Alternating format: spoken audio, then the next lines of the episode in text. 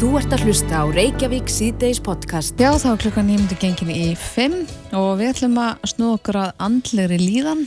Það er að segja hvernig umhverfið okkar heimili til dæmis mm -hmm. getur ofta áhrif á okkar andlegu líðan.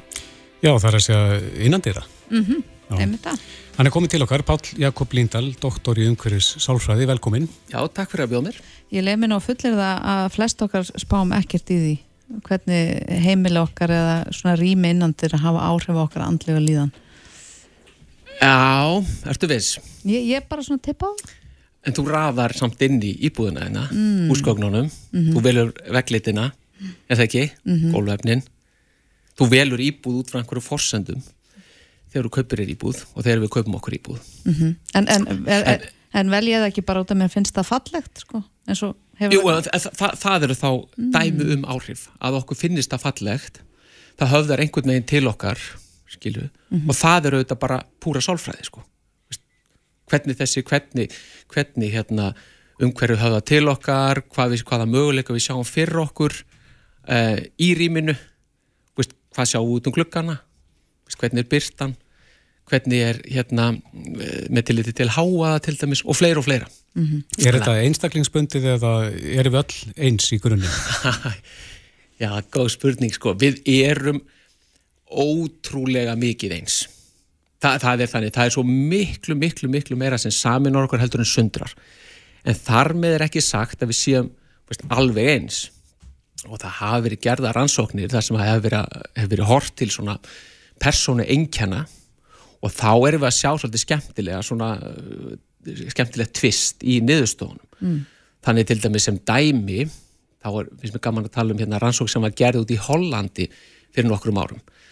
Þar sem að var verið að kanna semst áhrif þá erum við nú sjúkrastofu og þar var við að kanna sem sagt liti, það var að kanna græna lit og hvítan lit og svo appisínugulan lit og, og svona eins og við svona er almennt talað um þá er við græn róandi mm -hmm. hvítur er svona hlutlaus og svo er appisínugul þá er svona örfandi litur mm -hmm.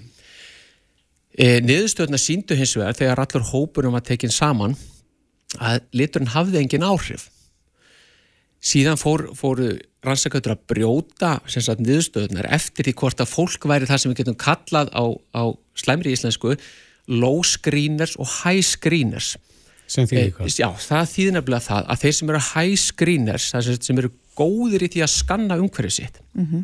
þeir eru fljótir að skanna, þeir eru fljótir að láta það svona að ná samingin í umhverfinu og svo eru við með low screeners, þá eru þeir lengi að, að, að, að taka umhverfiðinn og, og, og fá einhverja svona heldrana sín á það.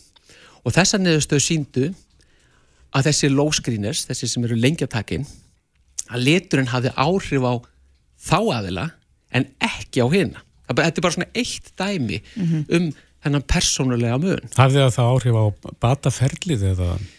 Nei, það, sko, það, það sem þeir voru aðtúa þar var það hvort að þeir myndu, hvort að streyta myndi þá lækka ef það væri grænt. Mm -hmm hvort hún er í svona okkur en óbreytt ef það veri hvít og hvort það er því svona einhver örfun ef það veri appisínuguld mm -hmm. og þetta gekk eftir sko. þannig að þetta er við komið svona niðurstur sem að gæti verið að þyrti að mögulega einlega til dæmis inn í sjúkrahúsbyggingar og alls konar þar sem við erum heilbriðistofnarnir almennt sko. En, en er það gert alla jafna?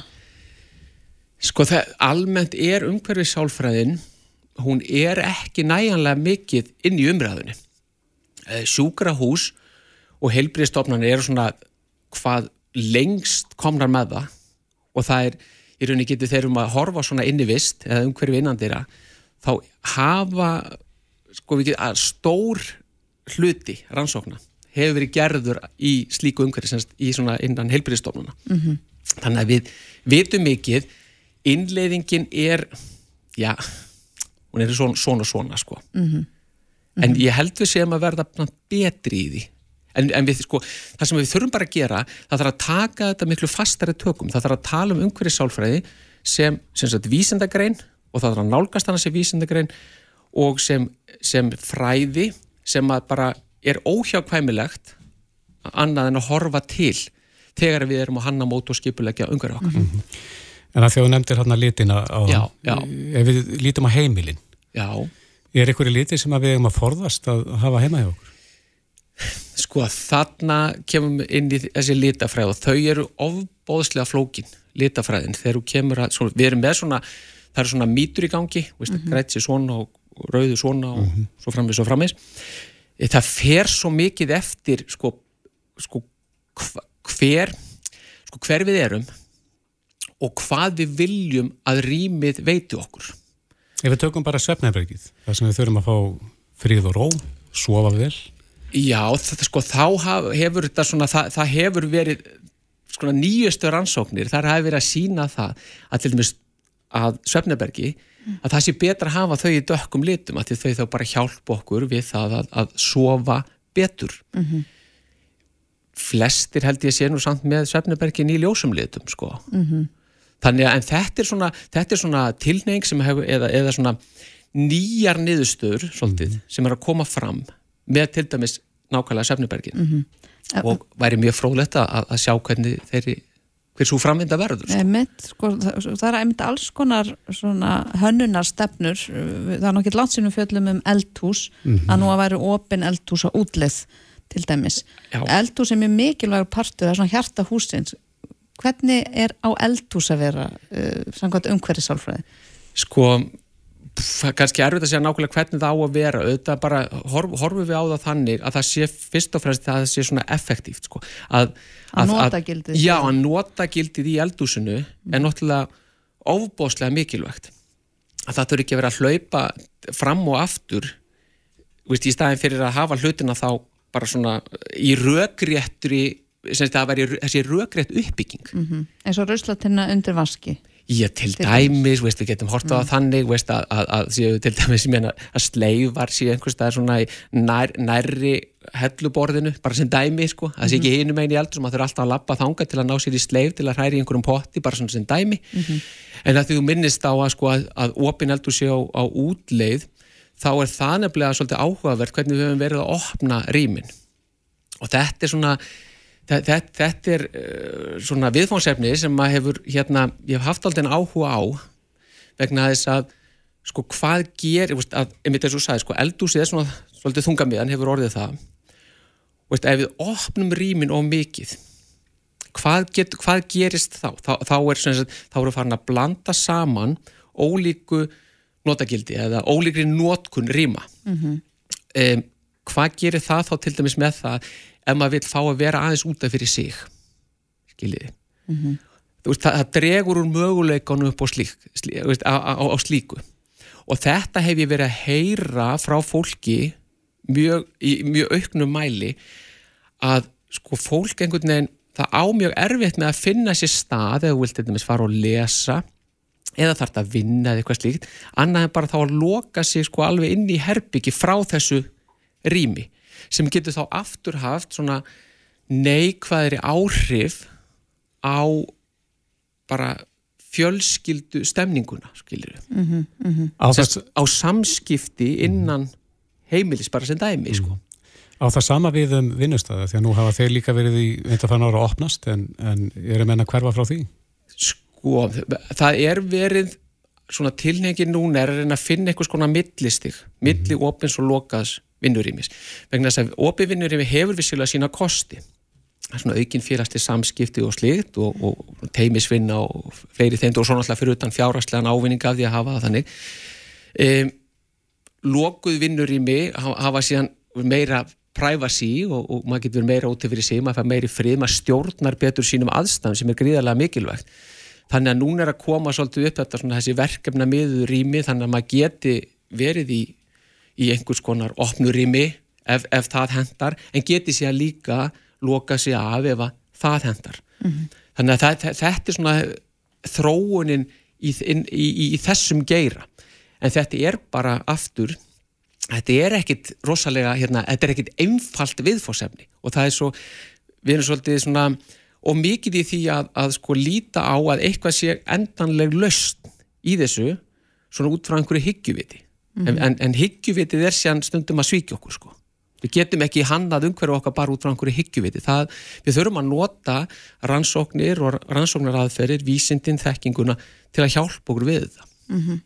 Mér langar svolítið að spyrja um plöndur Já, já. Yfirleitt eh, ef það á að bæta rými þá er sett planta inn í það og Já. það á að, að laga allt spilar plöntu stort hlutverk í þessari umhverfisálfræði Já, það, það, það er náttúrulega sko, öll svona náttúr, all, allir svona fulltrúa náttúrunar skipta okkur opaslega miklu máli. Við erum með mjög svona sterka tengingu við náttúruna. Við viljum hafa náttúru í kringum okkur og, og alveg frá því að borgir tók að myndast og við fórum svona að þjappa okkur saman einmitt í, í þjettbíli, þá höfum við alltaf tekið náttúruna með okkur inn í þetta rými og það sama gildir þá um þegar við erum komin innan hús við erum að taka með okkur svona eitthvað lítið, ég menn í misjaflega miklu mæli sem ekki er með mikið, það er minna en svo náttúrulega má heldur ekkit gleyma bara útsýninu hvað er fyrir utan gluggan það skiptir nefnilega mjög miklu máli og, og frægasta rannsóknin í innan umhverju sálfræðinar að mörguleiti, þessi sem er að horfa innan þess geirann umhverju sálfræðinar sem er að horfa á, á áhrif umhverjus og heilsu hún síndi árið 1984 áhrif þær gluggaútsinnis á sjúklinga í, í, í bandaríkjónum og þá var það þannig að þá hafði sjúklingum sem hafði farið í, í skurðagerð voru sambærileg skurðagerð hjá, hjá öllum aðlum þegar maður semst rendin á stofur bara til að jafna sig. Og stofurnar voru eins að öllu leiti nema útsýni var misjant þannig að sumir sjúklingar þeir fengu að horfa bara á múrvegg út um gluggan aðrir horfa á trjákróður og niðurstur þegar maður farið að rýna sjúkraskíslutnar og þetta yfir nýja ára tímanbil eitthvað slíkt að þá kom bara í ljós að þeir sjúklingar sem höfðu útsýni yfir á trjákuröðurinn það var hraðari, skjótari bati þeir gáttu að fara fyrr heim þeir kvörtuðu margtækt minna við heilbyrðistarsfólkið og þeir tóku margtækt minna af sterkum verkeflifum og, og það var búið rannsakandur voru búin að það sem kallað er að leiðrétta fyrir öðrum sagt, kyni og heilsufari og aldri og slíkt sem þýðir það að þeir voru eh, bara búin að taka út þau áhrif. Þannig að eftir stóðu sagt, byrju, hvað skýrir hennar mun? Og þá segðum við, já, það er ekkert eftir sem, annars sem stendur eftir en útsýnið út um gluggan og þetta var til þess að í rauninni þetta bara svona risin og aknaði þetta aldrei þarna árið 1984 Mm -hmm. Ég, ég velti fyrir mér sko hvort það sem ekki verið að spá í þessu í nýbyggingum Nei, það, það er nefnilega ekki verið að spá næjanlega í þetta. Við erum aðeins kom farin að stíga inn í það að, að það þurfa að vera byrta, mikilvægi byrtu inn í hýpilum okkar sem er er okkur lífsnauðsilegt, hefur áhrif á dægursveiflu og, og fleira. Um, við höfum ekki verið að horfa eins mikið á einmitt útsýnið, en það eru, eins og ég sagðan, það, það eru rannsóknir sem sína það að það, þetta hefur heilsufarsleg áhrif, getur haft það á hvað við horfum út um gluggan. Mm. Nú er verið að byggja nýja landsbítala, menn eftir kannski að hafa þetta í huga? Já, það, sko, já, það hefði vel mátt hafa það meira í huga. Ég kom nú aðeins að þessu svona í, hann er komin sérst einn 10-15 ár síðan, sko. Við fórum aðeins í, í samstarfi við nokkur hérna við landsbytalan um, um að hérna reyna að hafa einhver áhrif. Það gekk nú fyrir mér ekkit, ekkit lengur en bara eitthvað pínulítið. Vist, Já, ég held að það al- alveg þólað það á þess að ég kannski þekki nákvæmlega það sem er að fara það fram en, en það er margt í þessu bara því sem að maður horfir á nú þegar það sem búið er að rýsa Já, maður spyr sig. Já, maður spyr sig. Um, Þeir sem hafa áhuga á að vita meira um hvernig umhverju innandira hefur áhrif á okkar andlegu líðan Já, geta kíkt inn, á heimasíðu Endurmentur á Háskóla Íslands endurmentur.is, það ert þú með námskeið í loka april Já. um nákvæmlega þetta. Já, já. Þa, Það er bara svoleiðis. Mhm. og á að keiri svoleiðis. Já, spennandi, Páll Jakob Líndal doktor í umhverjusálfræði Takk hérlega fyrir spjallið. Takk hérlega fyrir mig. Þú ert að hlusta á Reykjavík C-Days podcast. Jæja, Reykjavík sýtið seldur áfram þegar klukkuna vantar, já hún er hálf fimm. Einmitt, eh, við ætlum að snú okkur að skuldastu sveitafélagana það er ansið dökk staða sem hefur verið dregin upp í fjölmjölum síðustu daga. Já, einn og af vest í Árborg Árborg stendur illa að víi og náttúrulega höfuborgin, Reykjavík, við erum rætt um hana. mm einmitt en það er spurning, hvað er til ráða og hvernig komum við okkur út á þessar stöðu maður fær óneindanlega smá svona minningar upp í kollin Frá hrunni. frá hruni, Mhm. vissulega Heiðabjörg Hilmisdóttir eh, er formaður sambands íslenska sveitafélag og er á línunni, kom til sæl. Sæli blessið. Já, staðan er ekki góð, eh, ansi, ansi víða. Hvernig horfir þetta við þér sem formanni félagsins?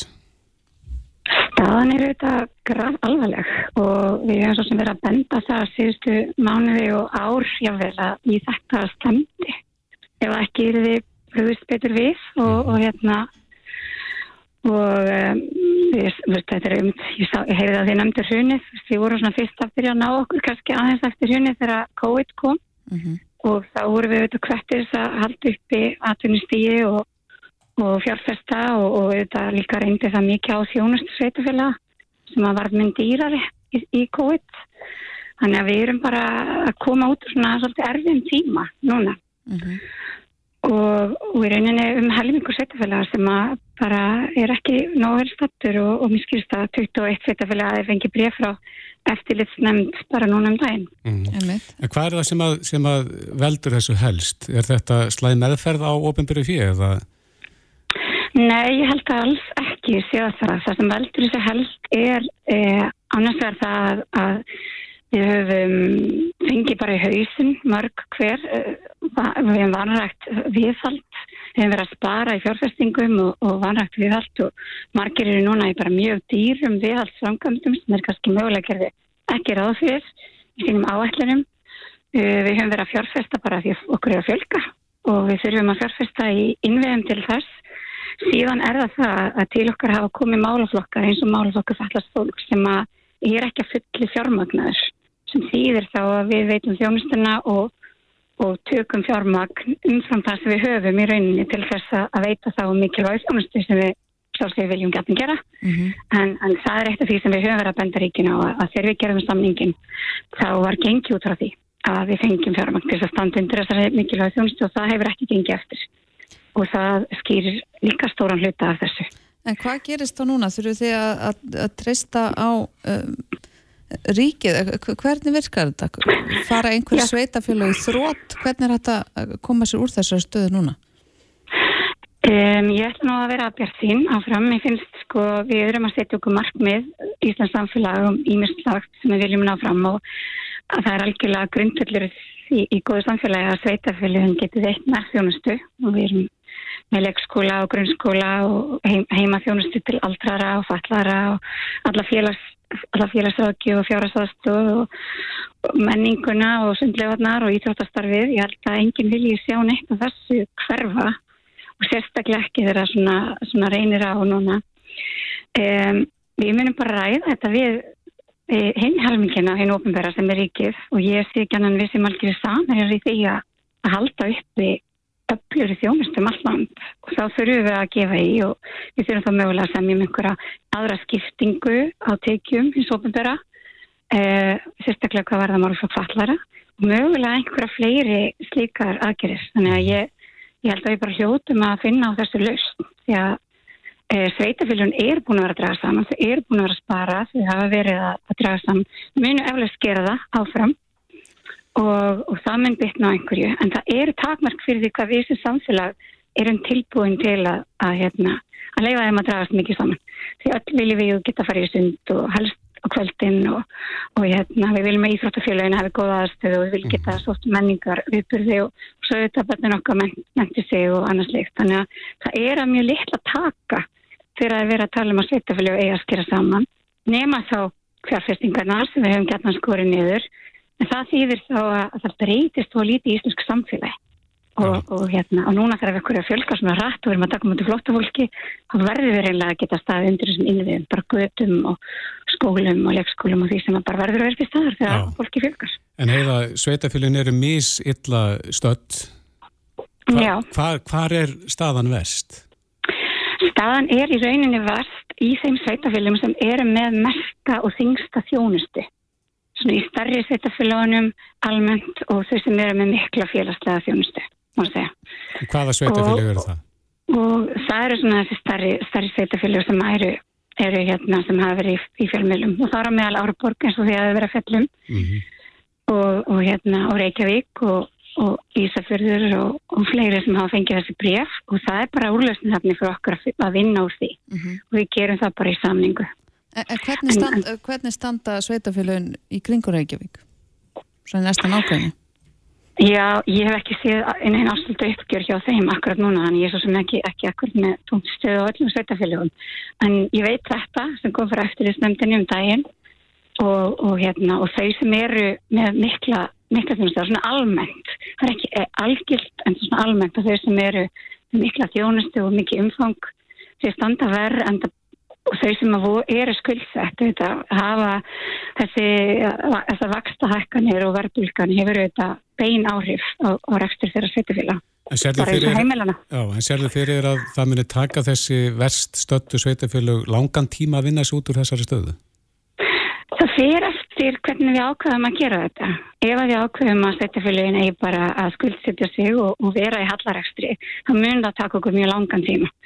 En ef við náum einhverju, sam, einhverju samkominlega um það að forgangslega þessari nærstjónustu við íbúa landsins, mm -hmm. e, þá, þá mögulega gengur það hraðar. Og ég myndi mæla með þeirri leið að við rauninni sem samfélag ákveðum að, að fjárfesta og forgangslega þessari grunnþjónustu sem að sveitafélagin standa fyrir, mm -hmm. þeim hlut omverðastri umfram í rauninni marstana. En, en er, er mögulega að finna einhverja nýja leið til tekiöflunar? Já, Við algjörlega og hérna við höfum kallað eftir því, það má nefna eins og gistináttarskatt sem við höfum kallað eftir að það verið settur á og minnir annan til sveitafélagana.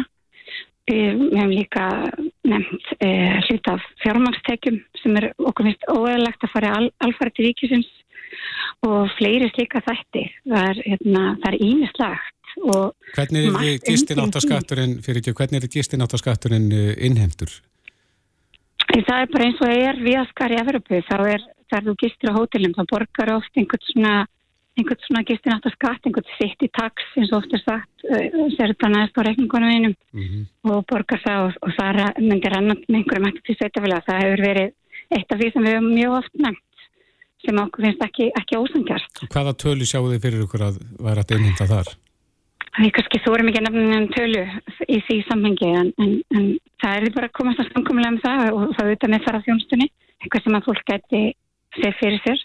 Og svo eru þetta bara, uh, höfum við líka rætt um, um hérna, bara hlut, hlutilt fyrirtækja oft í, í það sem innviða uppbyggingum og, og þáttöku í, í þú veist þegar fyrirtækja opnast, við segjum þegar kemur nýtt fiskaldi í bæin að sveitafélagi þurfum við þá að standa fyrir allri innveða fjárfestingunni hvort, það sé ekki sangjast að hluti af, af því sem að fyrirtækin leggir til, til, til sveitafélaginu með, meiri hætt en bara gegnum útsvarið. Mm -hmm. Þannig að það er svona, það er, við erum með einstar hjómyndir og ég held að þetta sé í rauninni velgerlegt mm. og mikilvægt. En blasir ekki við að verða einhver niðurskur þar að segja uppsagnir á fólki? Það er ekki ólíklagt að það verði einhver niðurstökur og það er auðvitað það sem við þurfum alltaf að gera. En það sem við þurfum bara okkur á að alltaf þegar það er niðurskurði á sveitafiljum og það er alltaf mjög sorgsekofilt. Og þetta er yfirleitt bein þjónusta við fólk og, og það er eiginlega, það er mjög erfitt að færi það. Og þess vegna þetta er að hafa sveitafiljum mörg frekar valið að, að, hérna, að halda upp í því þjónustastíð sem við erum með. Það er ekki er svo þjónusta sem við erum að veita almennt lögbundin og við getum ekki, ekki, ekki veit hana. Þannig að hérna, þetta er ekki, það er ekki auðvelt að skera niður en mjög, það, mjög líklagt að það verði hort í hvert einasta stöðugildi og, og það vegi og meti og, og, og mér hefur svo sem fundist í samtölum við sveitalfélagin undanfæri að það sé það sem við erum búin að vera að gera þessi síðustu ár því að bara frá, frá 2019 hefur bara eh, hérna okkur staðin hefur versna bara gríla hratt á þeim tíma. Og, og hérna á þeim tíma hefur við verið að bara reyna að velta við öllum steinum og núna þegar kóti búið og, og hérna við getum aðeins svona kannski vonandi andal eftir að þá held ég að við þurfum bara, við, það verður bara áfram allt á því mm -hmm. og, og hérna það er engin, engin afstáttur á því Nei. en ég held að við náum ekki utanum þetta með þeim tekistofnum sem við höfum uh, annars er uppfylla lögin og hins vegar bara uppfylla þær vendingar og þær þarfir sem að samfélagi hefur fyrir þess að mikilvæg þjónustu. Og þess maður geta bæjastjórn Árborgar, hún bóða til opins íbúðafundar núna í dag eh, klukkan ja. 5 eftir 20 mínútur á hótel Selfossi, það sem að eh, bæjabúa verða nættilega upplýstir nánar um stöðuna. Mm -hmm. En Heiðabjörg Hilmistóttir, formaður sambands íslenskra sveitafélaga, kæra þakki fyrir þetta. Við slúum vona að sveitafélagin á að vinna sér hratt og örglótur þessari stöðu. Já, við skulum bara ákveða það. Takk fyrir. Takk fyrir. Þetta er Reykjavík C-Days podcast. Varst, ég hef bara aldrei heyrt um að maður geti verið með ofnæmi fyrir áreynslu, eða jú kannski áreynslu en ekki líkamsrækt. Nei. Já, svo hefur maður líka heyrt um sjálfsofnæmi. Já. Og kannski meira því núna í setni tíð. En e, það kviknaði spurningi á okkur og við veltum fyrir okkur er hægt að fá ánami fyrir öllu? Já, hún er sestinni hjá okkur Irsa Löfi, ánamis Læknir, velkomin. Takk fyrir. Já, þetta er svolítið stór spurning, er hægt að fá ánami fyrir öllu? E, það er kannski ekki hægt að fá ánami fyrir öllu en það er hægt að fá ánami fyrir alls konar. Mm -hmm. Og getur maður þróa með sér ánami bara senda á lífsleðinni eða með einhverju ákveðinni hegðun? Já, sko þetta er nú flókið samspil og að hluta til þá byggist ánæmi upp á erfðum, það er erðaþættir sem ger okkur líklegri til að mynda ánæmi og því ráðu við litlum, en svo er þetta samspil við umhverfið, þannig að það myndar engin ánæmi fyrir hundum sem aldrei er í návegin einstaðar við hund eða neitt frá hundi. Uh, við fáum ánæmi fyrir byrkitrjám á Íslandi en á Ítalju fær fólk ánæmi fyrir ólufu trjáfrjókunum, mm -hmm. þannig að umhverfið hefur sitt að segja en hvað það er sem svona akkurat startar því að eitthvað breytist í kerfin okkar það er orðið jáfnvel ennþá floknara samspil og getur kannski haft með það að gera hvernig e, á okkur stendur að öðru leiti eru við útsett fyrir ánæmisvaldun leið og við erum la, líka lasin og svo framvegis þannig að þetta, eru, þetta er flókið sko. Mm -hmm. Lilja nefndi hérna ánæmi fyrir árenslu og líkansrækt e, hvað kveikir sennilega slíkt ánæmi? Það er, er nú... það árensla og líkansvægt? Já, það er náttúrulega sá sem aldrei reyfir sig eða næru púlsunum lendir náttúrulega ekki í þessu en það er ekki þannig að maður geti áunnið sér það beinlinis með því að djöblast á mikið, sko, það, það er ekki þannig mm -hmm. uh, og það er svo sem er, er kannski ekki öðvöld að svara því hvað það er sem að orsakar það í sjálfu sér mm. en þetta kemur upp og það er svona einn af einhverjum fáum þúsundum sem að lendir í þessu að fá svona áreinslu tengt áfunnæmi eða já. Í raunin er þetta ekki alveg dæmigert ánæmi alltaf. Um, þetta er endar gjarnan í svona helmingi tilfell að þá er á bakvið þetta dölið fæðu ánæmi og þá getur þetta verið þannig að viðkomandi er með ánæmi oftast er þá um ánæmi fyrir kveita að ræða en það geta verið aðri þættir og fær samt engin enginni við það að borða kveiti nema að í kjölfarið eða rétt á undan fylgi líkamleg árensla og þá getur fólk fengið enginni Já. og svona er þetta sennilega um helmikið tilfella af svona árenslu tengdu uh, ánami mm -hmm. en, en, eru, en ekki alltaf nei, en svo eru sum ánami sem eru lífsættuleg og önnur ekki af hverju? það fer fyrst og fremst eftir því hversu kröftulega líka með viðkomandi eða ánamiskerfi viðkomandi bregst við ánamisvakanum og við getum séð fólk með netu ánami sem fær bara væga enkenni og svo eru aðri sem fá lífsættulega enkenni og það er aftur auðvitað ykkur leiti magnháð en það er ekki eina breytan, það getur verið eftir því fyrir hvaða próteinum í fæðutegundinu til dæmis maður hefur með fyrir, mismunandi prótein eru mis uh, aggressív að maður geta sagt sem svo. Mm -hmm. En ónæmiskerfurinn okkar eru líka aðeins ólík og viðbröðin hjá einum eru meiri en eldun hjá þeim næsta mm og það sjáum við kannski berlega líka ef við horfum bara á hvernig fólk bregst við bara hlutum eins og flugnabitum sem eru þó ekki eins og ánæmi, hvað eru mikil viðbröð. Mm. Er þetta að fá, eða þróun þessi bráða ánæmi gegn gælutýrum eins og hundum og kvöttum? Eh, það er, já, já, þetta flokkast í rauninni sem bráða ánæmi af því að einkennin koma rætt. Mm. En það sem flestir leggja, eh, skilningunum sem flestir leggja í orðið bráða ánæmi er að það sé eitthvað lífsættulegt. Mm -hmm. Ég ger ráð fyrir að hafi kannski verið að meina já, það frekar. Og það er til, já. Þannig að það er til fólk sem getur fengið uh, alvarlegan asma nálægt gæludýrum, köttum, hundum, hestum mm -hmm. og það er ástand sem getur orðið lífsættulegt, þannig að já, það er til. Getur það, það ánæmi ágerst með árunum eða er, ef þú færð ánæmi fyrir einhverju, um, getur þú losaði við það? Það er allt til í þessu.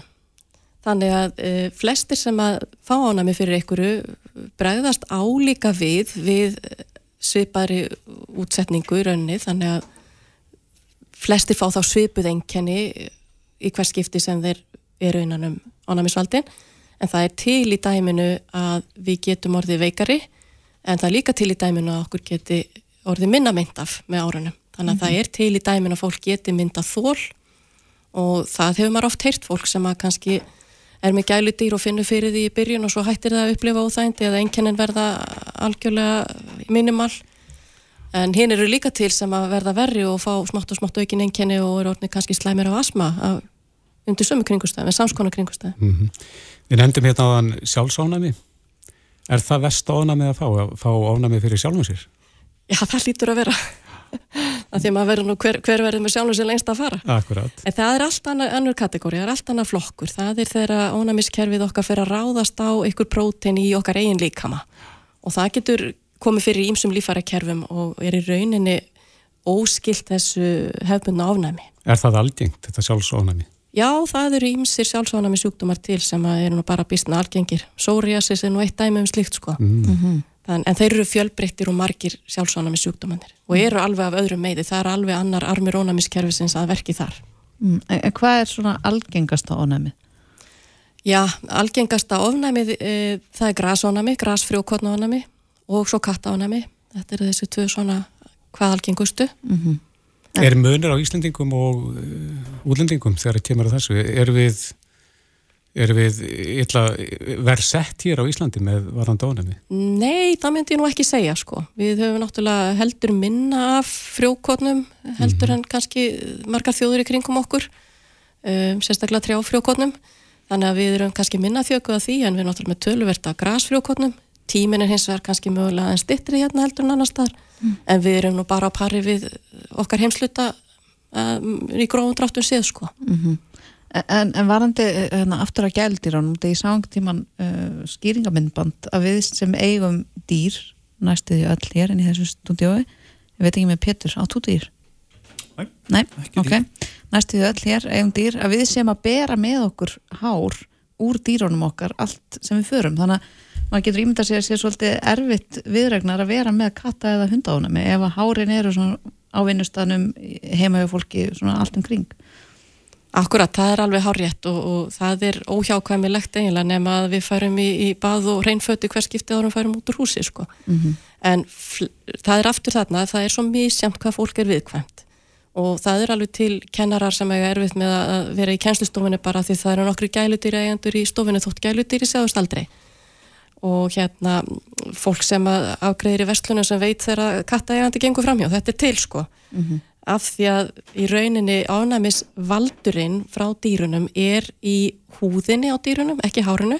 Algengum miskilningur þetta sé hárið en þetta eru í rauninni húðflögurnar og slímhúðaflögur. Þar eru þessi prótein og auðvitað fara dýrin úr uh, skipta þau um skinna eins og, eins og við. Þannig að það er flasa og húðflögur allt í kring það sem dýrin eru En, mér langar að spyrja það, ef ég fæðist með ofnæmi, um, það er bara í, í, í mína erðamengi, er ég þá líklegri til þess að þróa með mér annars konar ofnæmi á lífsleginni? Já, sko þetta með að fæðast með ánæmi er kannski valla hægt að segja að gerist beinlinnist því að við fæðumst með þessa tilneyingu til að mynda ánæmis, ánæmi, við fæðumst með genin. Mm. Síðan er það í rauninni eftir að við erum fætt sem að flestir mynda ánæmið og það fyrsta sem gerist eh, hjá þeim sem er með þetta í sínu erðamengi eh, er allt frá því að vera kannski XM hjá sumum krökkum og aðrir krakkar fá fæðu ánæmi, mjölkur ánæmi er nú eitt af því sem kemur oft hvað fyrst. Og svo þegar komið fram á skólaaldur þá fyrir að týnast inn einmitt eins og frjókotna og dýra ánæmi en svo getur það verið að byrtast hjá fólki sem kannski aldrei hefur verið með ánæmi og allt í hennu 45 ára gammal maður lappar inn á stofutímin og er komið með frjókotna ánæmi Mhm. þannig að það er ekkit, maður er seint úr allri hætt ef maður getur sagt sem svo Já, já. En uh, það er nú gammalt orðatildæki að misjöfni þrýfast börnin best. Er uh, á það vel við varandi ónamið? E Eigum við að reyna að láta börnin okkar umgáka stýr snemma? Sko það eru vissar uh, vísbendingar og, og í rauninni vitað að, að hluta til getur dýra eign verið verndandi fyrir þróun ánæmis þá. um, þá er það nú líklega þannig að dýri þarf að hafa verið til staðar frá því á, með að barni var í móðukveði, sem stamaðgöngu. Um, en það gildir ekki um öll erða minnstur ánæmis, en þannig að hluta til getur það verið verndandi þáttur. Og uh, svona almennt þá hefur ofnæmi náttúrulega aukist uh, verulega á síðustu áratugum og hugsanlega er það ykkur leiti og, og reyndar ekkert hugsanlega það er lífstílstengt. Þannig að við höfum náttúrulega gjörbreytt í umhverfi sem við búum í. Og farið úr sveit í borg með tilhærandi breytingu á bakteríuflóru og fleiru. En við verðum líka að muna það við höfum losnað við ímislegt í staðin sem við kannski vorum líka þjökuð af áður. Mm -hmm. þannig að þetta er aftur ónæmiskerfið er flókið og, og öll okkar líkanstar sem snýst í kringu það viljum við ónæmisfræðingar segja Já, við byrjum náttúrulega að spjalla og spyrja það hvort það var hægt að fá ónæmi fyrir öllu og þú segir svona nánast öllu. En er alltaf að koma í ljós ný og ný ofnæmi? Sko, já og nei. Sko, það, við sjáum kannski nýja hluti hér sem að kannski snýst á aðalega um það að við erum farin að neyta fæðuteganda sem voru ekki til bóði hér. Og til dæmis hefur ónæmi fyrir jarðnetum lengi verið svona allrænt netu ónæmi sem alvarlegt ónæmi Núna á síðustu árum og áratugum þá hefur ánami fyrir karsjónettum stundum verið kallað í nýja jarnettu ánami. Ég menna karsjónettur er eitthvað sem að mörg okkar sáum ekkert fyrir en við vorum komin velin á fullarins árin sko. Þannig að það snýst líklega... Það er það ástæðan?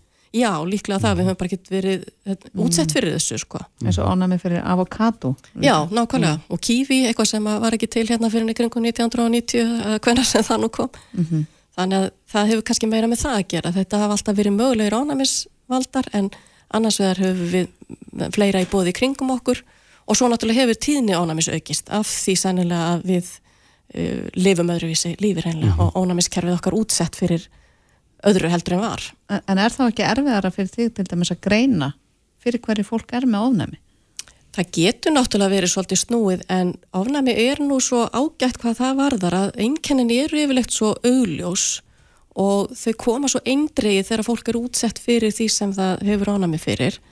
Þannig að jú, það getur nú stundum verið úr einhverjum svona nokkrum möguleikum að móða en ef þetta er ekta ofnæmi, mörg af þeim einkennu sem að koma til okkar eh, eru kannski ekki ofnæmi, heldur einhvers konar óþól eða önnur einkenni en ef þetta er ofnæmi þá er maður nú oft frekar fljótur að einangra það og finna. Já. að því að sagan er svo augljós. Rétt aðeins í lógin að því að nefndi hérna orðatiltækið af nýsöfni þrjóða spörni best tekur undir það, er það góð leið til þess að, að þjálfa ónæmistjörfið, það er bara að gefa börnum ekko, netur og fisk. Já og leika sér í grasinu og Sko ég held að við höfum að lifa sem eðlulegustu lífi og vera í tengslu við náttúrun og allt slíkt. Mm -hmm. en þetta er mjög flókin spurning og getur innifælið mjög mörgt þannig ég þór ekki að segja bara já því það er ekki endilega rétt að svari Nei. En hérna það er svona brey, það er breyst þetta með að gefa börnum ekki egg og netur og fleira fyrsta árið eins og var nú kannski eh, það er eiginlega snúist við þannig að það sýnir sig að það eru meiri líkur á því að það myndist ekki ánami nema í undantegningatilfellum mm -hmm. en þessi fæða fær bara að koma inn á aðlugum tíma. Já. Setja búntin hér, Irsa Löfi, ánæmisleiknir. Kæra þakki fyrir komina. Takk fyrir mig. Þetta er Reykjavík C-Days podcast. Já, þá er klokkan hálf sex og við ætlum að snú okkur að neytenda málum. Neytenda samtökin eru sjötug í ár. Já, stóra mæli. Heldur betur og þau ætla að fagna þessum áfanga með að gera stóra og góð úttækt á tryggingafjölugunum hér á landi. Breyti Karlsson, formadur samtakan er mættu til okkar, velkomin. Takk, takk. Og til aðmyndi með stóra aðmælið. Bara takk sem er liðis. En e, tryggingar eru stór partur af útgjöldum heimilana. Já. Er það ástæðan fyrir því að þið eh, ráðist í þessa rannsók? Já, það er úttækt. Já, það má segja það. Þetta er einn sko, stærsti útgjaldaliður heimilana. Við höfum farið í lánin, hérna erum að í málum við bankan út af því vakstamálið uh, hérna, en núna er alltaf að beina sjónum okkar að, að tryggingamarkaðanum. Mm -hmm. Það má, í fyrra þá, þá greitu við um 77 miljardar króna í, í hérna, bæði heimilinn og, og reyndar eh, fyrirtæki í, í hérna, tringa yðgjöld og varlega má ætla að heimilinn greiði svona 300-400 krónum árlega í tryggingar þannig að þannig að uh, ef við næðum að lækka tryggingar eitthvað aðeins þá myndi að skipta heimilinu mjög miklu máli. Já, það hefur svo sem verið dreyið fram að við erum að borga talsveit meira en félagar okkur á Norrlöndunum. Er eitthvað sem útskýrir það? Erum við meiri klauvar? Já, það er spurningi. Það er, þetta er einmitt nákvæmlega spurningi sem við ætlum að reyna að svara með hérna, rannsóknunum okkar. Við ætlum að gera úttækt á uh, trygginga, stöðu tryggingamála á Íslandi Uh, það sem við ætlum að, að spyrja spurningar eru tryggingar dýrar á Íslandi það er náttúrulega allt dýrt á Íslandi þannig en, en kaupmáttur er líka mikill mm -hmm. en, og ef það eru dýrar hvað, af hverju eru það dýrar og, og, og síðan hérna, þriðja spurningin hvað er til ráða En, en getur við eitthvað ímyndað okkur af hverju það eru dýrar? Við getum alveg ímyndað okkur hitt og þetta en, en það er miklu betra að vera með uh, gögnin og, og vera með hérna, rannsóknuna hérna, sem er svona grunn og þaðan getum við rætt okkur Veist, viljum við hafa þær dýrar eða, eða er það eitthvað sem í, í umhverfunu sem gerir þær dýrar og við getum ekkert gert? Eða er einhver tækifæri sem við finnum til þess að lækka? Og það sem við ætlum að kanna er einmitt sko, verð og, og skilmála.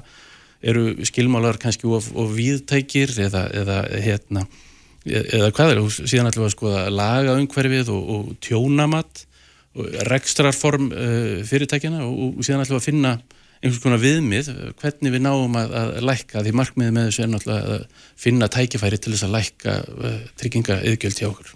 Mm -hmm. Hann Ágúst Bjarni Garðarsson, þingmaður framsóknar hefur nú einmitt mikið verið að velta þessum málum fyrir sér og, og talaði um, eh, tók til dæmis sko þessa tryggingu sem er ekki skildutryggingu sem er líf- og sjúkdómatrygging að hann ótaðist það að innan jáfnvel fáin ára eru það tryggingar fyrir útvalda sem að ættu mikið fjá millir handana.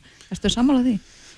Já, ég, ég bara hef áhyggjur af almennum kostnaði á, á, hérna, á tryggingum og, og, að, að, og ef það eru of dýrar þá er náttúrulega, segir það þessi sjálft að hinn er efnaminni munu ekki geta uh, tryggt sig hérna, eða keft þær tryggingar þannig að, þannig að eðlilega er það áhyggjefni, já. Mm -hmm. Félagar okkur í bítinu tóku viðtalum mann sem er búsettur á Spáni og voru að velta fyrir sér af hverju hlutur væru dýrari hér heldur en Erlendis. Og þar kom svo uh, tillaga eða svona átískun að, að hér væri arðsemiskrafan herri heldur en uh, tíðkast Erlendis. Að eigandu fyrirtækja setja sér herri markni með, með arðsemi hér. Heldur að það sé eitthvað til í því?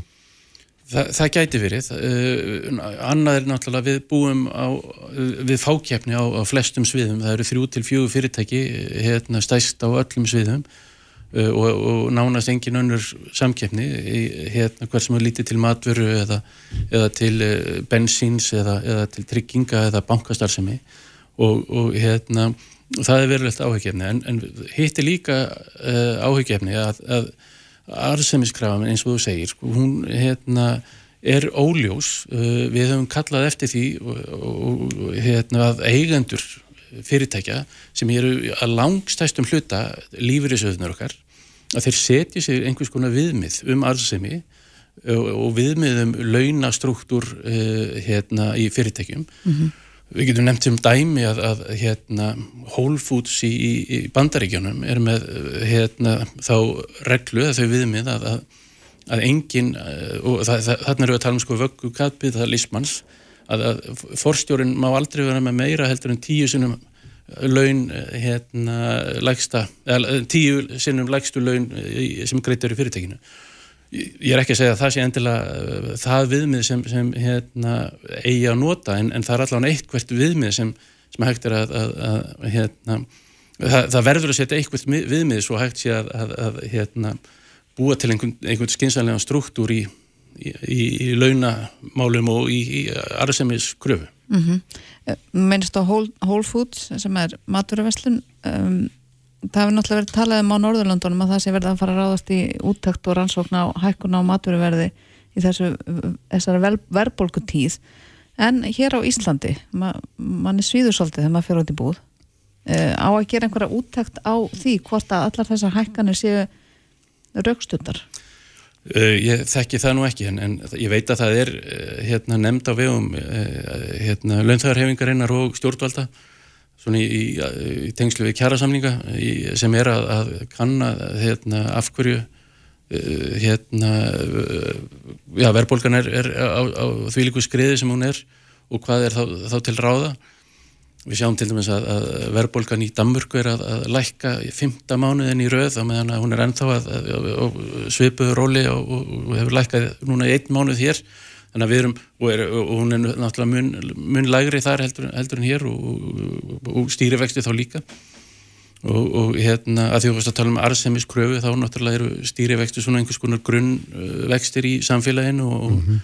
og arsemiskrafa væntalega fer ekki svona þegar að, að hold og bolt þá, þá er hægt að fá þá hérna, þá er það svona grunn ávöxtun í samfélaginu þannig að, þannig að því hærri stýrivextur því, því meiri arsemiskröfu gera fyrirtækja eða fjármakseigandur og, og þannig að, að það er mikið til unni að ná niður hérna, stýrivöxtum og ná niður verbulgunni Já.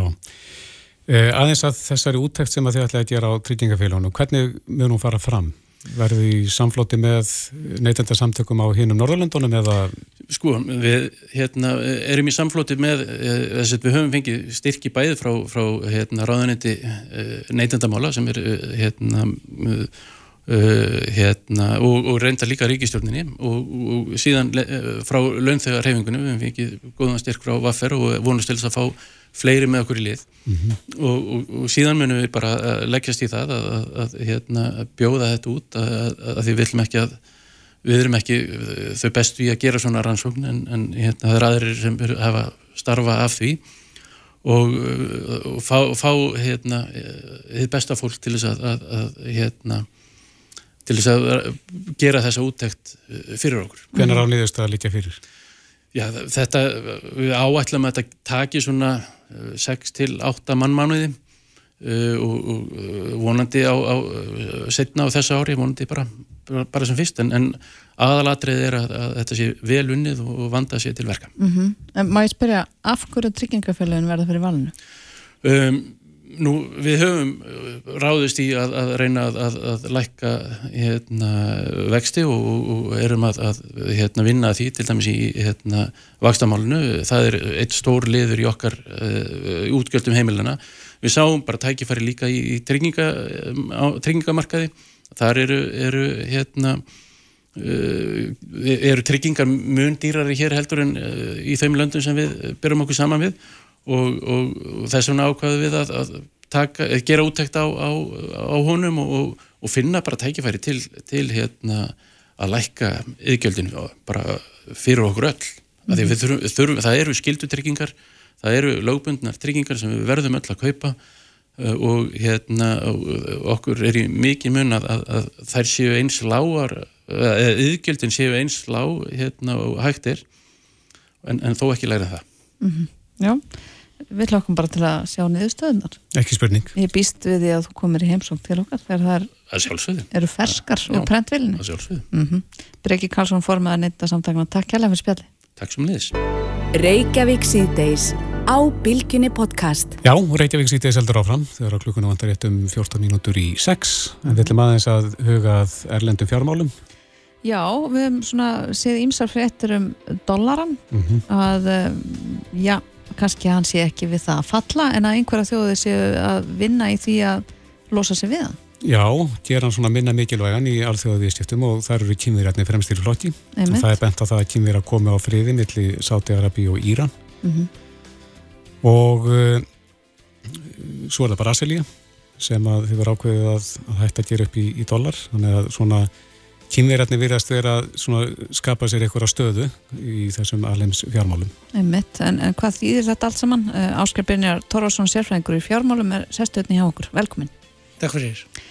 Já, mér finnst þannig að bara líka beina stöðu að vera fyrsta spurning. Sko, hver er staða dollarans? Hvað er svona hæft í þessum fréttum öllum? Sko, Dollarin er yfirburðamynd í heiminum, hún er bæði forðamynd heimsins, þannig að bandaríski sælabankin er eiginlega svona yfir sælabanki heimsins og hún er svo mynd sem er nótuð langmest í öllum viðskiptum en þá, þó að það hafi aðeins verið að minka örlíti núna síðast liðið rúma árið. Flestir greinendur tengja það beinlýnis við e, stríðið innrós rúsa í Ukrænu, mm -hmm. það sem að því fylgdi viðskipta þvinganir rosalega efnaðas aðgerið þar sem voru jáfnvel fristir hluti að forða rúsneska selabankans í öðrum löndum. Mm -hmm. og þeir voru mjög mikið lokaðir út af alþjóðlega fjármálakerfinu með því að taka það út úr svift greiðslumilunar samskiptakerfinu. En þó var alltaf hægt að borga fyrir gasi til Evrópu en, en það sem gerist við svona atbyrði að þá náttúrulega flæðir bæði peningurinn og vörurnar í gegnum já, aðrar leiðir þannig að það er svona ástæðan fyrir því að, að viðskipt í kínveska gældmiðlunum Rimimbi að þau hafa aukist heil mikið mm. og, og það er rækið til þess að rúsanir er að selja bæði stórun hlut á oljunni sinni og ymsan annan úrslutning þá í gegnum einhverja milliliði sem að fer síðan í gegnum Kína því það er búið að loka svolítið mikið mm -hmm. Hvað eru kynverjar að, að gera? Hvað, hvaða stöðu eru verið að mynda sér? Sko þeir hafa lengi viljað verða svona, já hvað að segja, stór þjóð meðal þjóða í alþjóðlega peningakerfunu. Þeir komust nú bara inn í SDR myndkorfuna hjá alþjóða gældarísjónum fyrir nokkrum árum, svona tíu árum cirka. Með myndina sína sem er Yuan? Yuan, mm -hmm. uh, Yuan eða Renminbi sem er hérna, uh, sko, og, og þeir... Uh, Til dæmis eftir fjármálarhunnið gerðu þeir fyrsta gældmiðla skiptasamningin millir kynverska selabankans og eins af allra minnstu selabangum heimi sem er íslenski selabangin og það var í raun og veru bara symbolísk aðgerð þar sé að gældmiðla skiptasamningar millir selabanka hafa ekkert upp á sig nema að það séu ykkur viðskipti þá þar á milli og þú þurfir að skipta á milli íslenskar krónu og, og við fórum svo sem í framhaldinu að eiga tölverið viðskipti við Alibaba hérna. Mm -hmm. Þannig að, en ég held að hef ekkert reynd mjög mikið á þá uh, skipta línu en þeir eru, kynverski selbankin er komið með kjálfmennskiptarsamlingar núna við tíu andra landa. En, en uh, það sem að já, er að gerast þarna er, já, þeir eru örgulega ekkit á móti þessu að auka hlutdelt sín í alþjóðlega um, viðskiptarkerfunu en, en þetta er samt óskup lítill hluti af því þar sé að mm. öll stóru viðskipti fara fram í dólar uh, og öll ólja metniða ráfuru í heiminum uh, ef maður tekur svona stóru hluti eins og flugvelar nú var nú hérna Æsland er að gera samling við Airbus í stamri Boeing sko, og mhm. verðmiðin bæða á Boeing og Airbus velum er dólar ekki er ekki Boeing í dólar og Airbus í eurum með Það mhm. gæti mjögulega í framtíðinni kannski farið að breytast mikið að því að Airbus er Evrópst en, en Evran er kannski svona 6% af viðskiptum í heiminum, veru viðskiptum mm. meðan að bandarækjadalurinn hefur verið en nánast 90% hann er komin, hann fór núna á þessu síðast ári síðast ég byrjaði úr 86% neyri 80% 2%. Þeir eru ennþá lang, lang stærstir Já, og, og verða það. Þó að kynverðar hafi tvöfaldarumlega sína hlutdelt, þá er það bara úr 2% upp í 4,5%. Mm -hmm.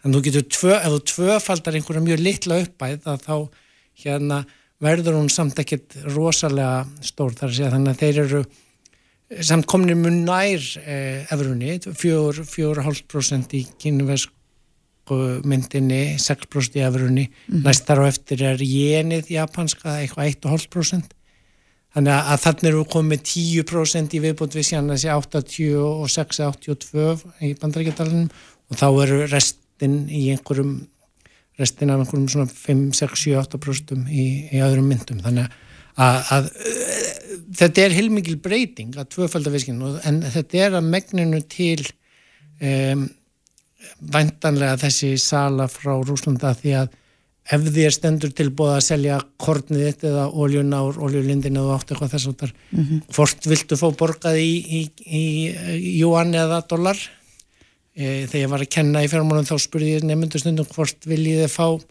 hérna efuru eða íslenska krónu sko. Hver voru svörin?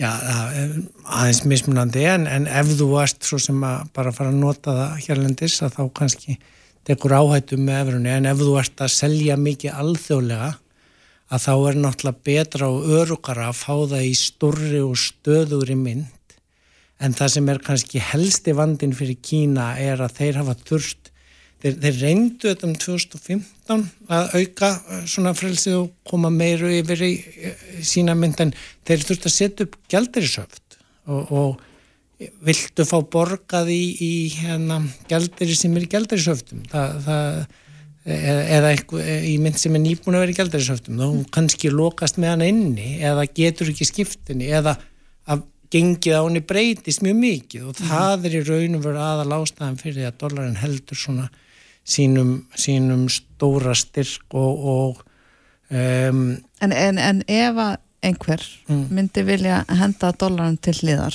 mm. og, og ná þessu toppsæti það er nú hægra sagt en gert og það mæntalega tekur þá ár, ára tví Já, sko, og, og kynverðan eru svo sem ekkert að flýta sér, þeir eru að nota þessa salamiða fyrir svona hægt og rólega og saksinn, sko, inn á hana markaðar, en, en e, þetta gerist e, ef maður fer sögulega dólarin hefur ekkert alltaf verið aðalmynd heimisins, það var breska sterlingsbundið í breska heimisveldinu fyrir E, heimstyrjaldinar mm -hmm. þannig að, að það er raun og veru eftir setni heimstyrjald þegar núverandi fjármálakerfi heimsins er búið til í Bretton Woods og IMF verður til og, og, og þá í raun og veru verður tekur dollarin við þessu megin hlutverki, megin myndar heimsins af sterlingspundinu. Þá var náttúrulega breska heimsveldið út um allan heim og, og það, þannig að auðvitað getur einhver tíman eitthvað breyst en, en svona miða við að Trump er ekki lengur fórseti og miða við að, að það er svona já, stöðuleiki komin aftur á í, í bandarísku efnæðslífi að þá, þá er fátt sem bendir til þess að, að þeir tapi þeirri stöðu núna af því að maður verður alltaf að muna það að skuldir eins er alltaf eignir annars og e, hverjir eru það sem eiga allar þessar til dæmis band, bandarísku skuldabrifin sem að en nú stundum gert mikið úr að sé hérna um, já, mikil vandi fyrir bandrækinn sem það er í raun og veru ekki því að það stýður við mm -hmm. þeirra, þeirra mynd að menn vilja eiga bandrækskríki skuldaberð frekar en önnur um, og helstu eigandunum þar fyrir utan bandrækinn sjálfa eru já forði stórra og ríkra land eins og Sáti-Arabi og Kína. Þar að afgurættu ef að þeir væru að fara að bróta niður Eh, gildi, verðgildi eða stærð og styrk þessa gældminns þá væri þau þar með að, dragur verðmæti sinna mhm. eigna í þessum skuldum. Þannig að ég á nú svo sem ekki vonaði að þetta breytist mjög mikið og hratt nema við séum að fara að sjá einhverja þriðu heimstöld sem ég vona að við séum alls ekki að fara að gera. Tökum myndi það. Eh, Rétt eins og lókin, ef, ef eitthvað ríti ætlaði nú að taka upp uh, einlega gældmiðil væri þá uh, dollarin bestur í það hlutverk? Já, dæmi meiri sé að tengt Kína þegar að Kína opnaði út á alltjóðavískiptin þá var Hongkong lengi vel þeirra fjármálamöðstöð þar er Hongkong dollarinn. Nú, nú er eiginlega komið heilmikil breyting á síðust örfa á árum að innlima Hongkong inn í Kína nýju. Það sagði mér selbankamæður og profesor í London þá sögu að þegar hann var í peningastefnu nefnd Hongkong eh, fyrir drostingunar bresku þegar þeir ennþá áttu þetta breytanir og, og mm. þau fasthengdu Hongkong dólarin við eh, bandaríkjadal þannig að pekkuðan saman þannig á förstu gengi að þegar það var gert þá voru þrjár Boeing 747 þotur í allanda í bandaríkjunum full hlaðnar af bandarískum dólarasælum tilbúinur að taka loft.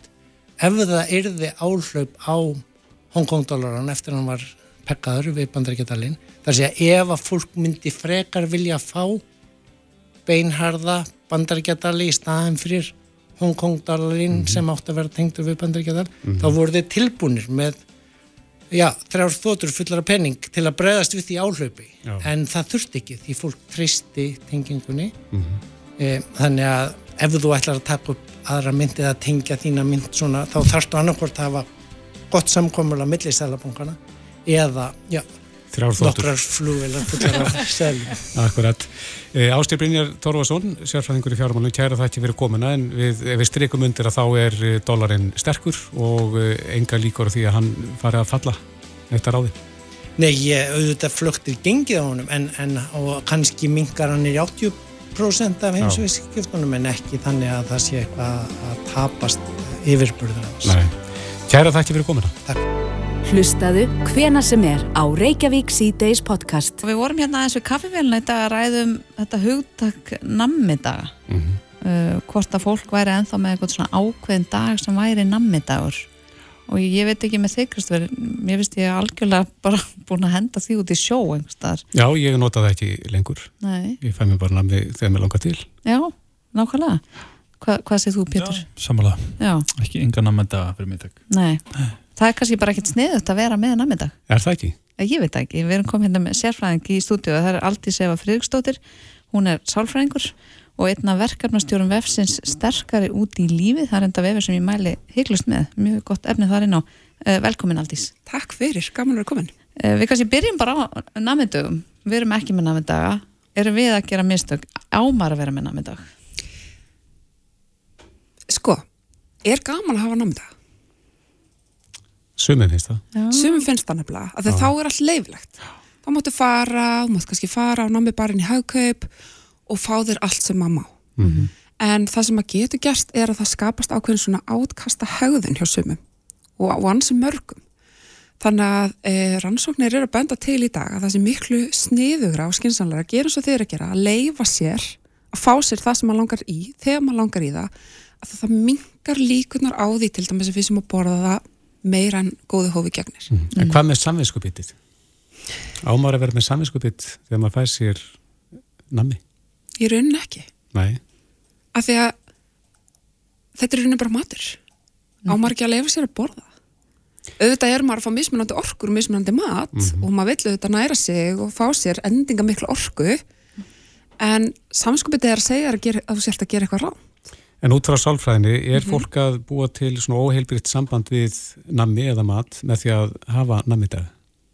Það getur gert.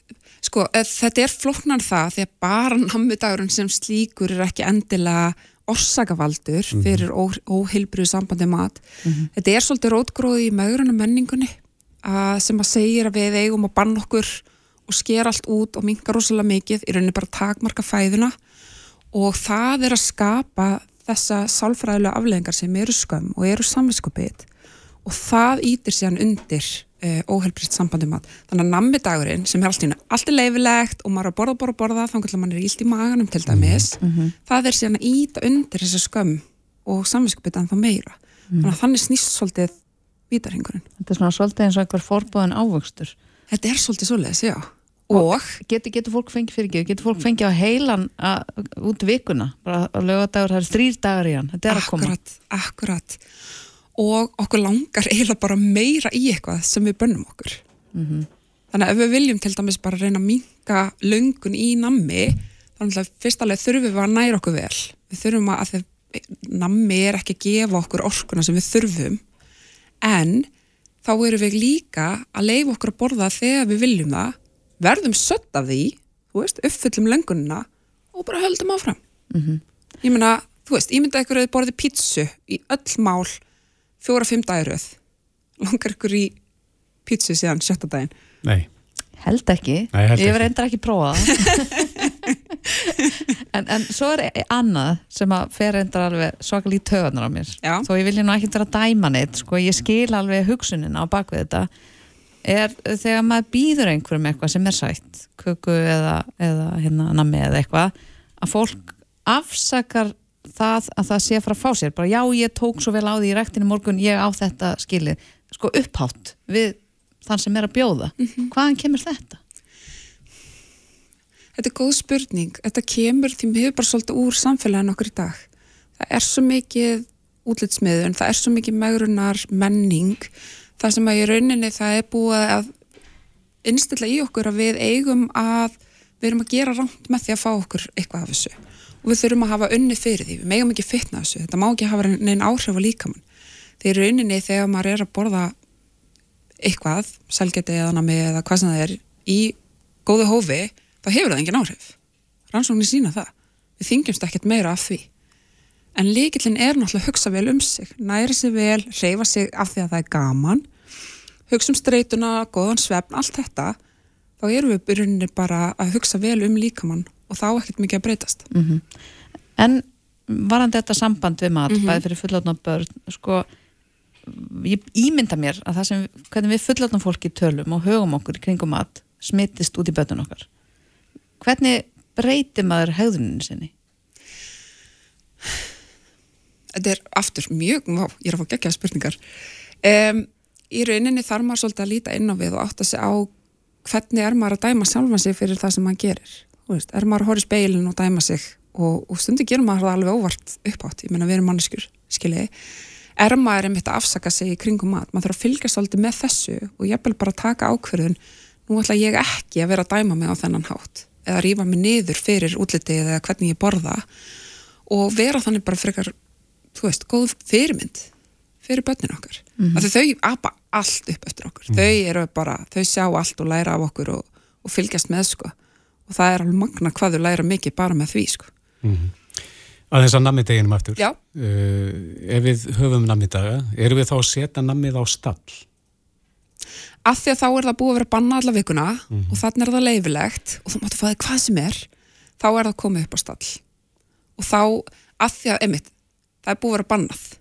Þá erum við að íkja upp gildið eða vægið sem að nammið hefur. Gera það meira spennandi. Meira spennandi, mm. en ef við leifum alltaf skilur við, þá hægt og róla verður það ekki til spennandi. Og rannsóknir sína þetta, börnum og úlingum, það sem það var rosalega hart fyllt mataræði og bannað að fá sér nammi eða eitthvað annað að þau, til dæmis þegar þau verða orðin fullorðin, þá bara svolítið missaðu mörginsinn, hvað var þar nammi og, og selgeti. Það var einmitt það sem ég var að spá en kannski einhver eru að hlusta núna sem hugsa ég að það verður nú samt að vera einhver mörg mm -hmm. eða hvað? Já, þetta hafa gott á mörgum en við þurfum að gera svolítið á þann hátt að við séum að fræða ok, já, auðvitað, langar því keks já, við skulum fá okkur keks, við skulum fá okkur kannski epplu og peru með af það er líka gott, það er alveg gott uh, við þurfum að fræða þau um hvað maturinn gerir fyrir okkur fáum svona orku, svona mat og svona orku, svona mat. Ég meina, kolvetni gefa heilanum okkar orku, við þurfum að kenna þeim það. Um, við þurfum að kenna þeim hvað þeim líður vel af og hvernig. Og þau, ótrúlegt en satt, fæðast svona. Þau bara tapa færninni eftir því sem þau eldast og fara svolítið meira að taka þátt í samfélaginu sem slíku og auðvitað höfum við sem fóreldrar áhrif á þau og fólki í kringum okkur þá hægt orðið að tapa þessar færni. Þannig að það er okkar svolítið að að hjálpa þeim að finna þess að meðfættu færðin aftur og við hinn getum gert það líka. Þá þurfum við að hafa færðina líka? Við getum bara að funda hana líka. Það er hægt. Með því að vera ekki að banna sér, setja sér mörg á þann hátt að vera reglulega að næra sig með alls konar fæði. Af því að meldingkjörfi okkur er pínu eins og vöðvi sem að þarf að reyfa á mismunandi hátt. Skiljið mig. Það er ekki mhm. alltaf hægt að gera bara sömu reyfinguna alltaf. Já, það verður ógslag góð bara þærri reyfingu það þarf að gera mismunandi reyfingar til þess að æfa þennan vöðva þá er hann sterkur og fjölbreyttan hátt. Meldingarkerfi okkar eins. Það er að nýta alls konar úr allir fæði mm -hmm. og þess vegna getur verið rosalega gott að tala um mat sem mat ekki hotlan eða óhotlan eða slæman eða góðan. Matur er bara matur. Við erum hins vegar að fá mismunandi úr matnum. Og þekkja það allir, við borðum nammi þá erum við ekki sött endilega rosalega lengi og við fáum ekki orkur rosalega lengi. Mm -hmm. þetta þurfum við að kenna þeim maður hefur séð það líka á svona ímsum öppum uh, það er náttúrulega til miljón og eitt app varandi hilsu og mataræði og matardagbakur og ég veit ekki hvað hvað. Mm -hmm. maður hefur tekið eftir því að fleiri og fleiri svona öpp eru farin að flokka mat sem grænan, guðlan, rauðan. Ekki hotlan eða óhotlan heldur mat sem áttu, rauðmaturinn er ekki fóðið sérstaklega mikið af því en af grænamatnum áttu borða hvað sem er. Mm -hmm. þannig að það er kannski frekar hugsunin. Já, það er skinsamlega hugsun að þá er þetta ekki alltaf ekkert þá er ekki þessu skipti í svona tvo flokka og þú mátt bara hoppa millir flokkana heldur kannski getur líka fengið aðeins meir og græna og minna á rauða en þú fegst þið samt bæði í dag mm -hmm. það má alveg Er þetta stórt andlegt vandamál samband okkar við mat, bara svona almennt? Já, rannsóknir sína það og ég held að það sé að líka við getum bara verið venjuleg manneskja einhver staðar og okkur líður ítla með okkur að því að samband okkar mat er bara flókið Er það vandamál að stækka? Já, ég held að. Ég held að COVID hafi ekki hjálpað. Nei. af því það var rosalega pressa, mikil pressa. Finnst að við séum að tala um COVID þegar við vorum að ræðum að það væri fínt að tala ekki um COVID.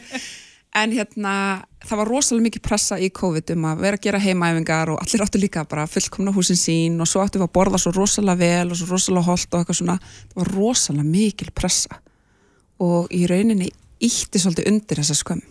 Mm -hmm. og þetta saminskapitið þetta Já, það er nú kannski Viðegandi við erum að tala með þetta hérna þegar klukkan er korten gengin í sjö og margir að undirbúa kvöldmattin en er þá kannski besta ráðið fyrir þá sem er að fara að sittjast niður við mataborðið að hafa gaman og njóta matarins?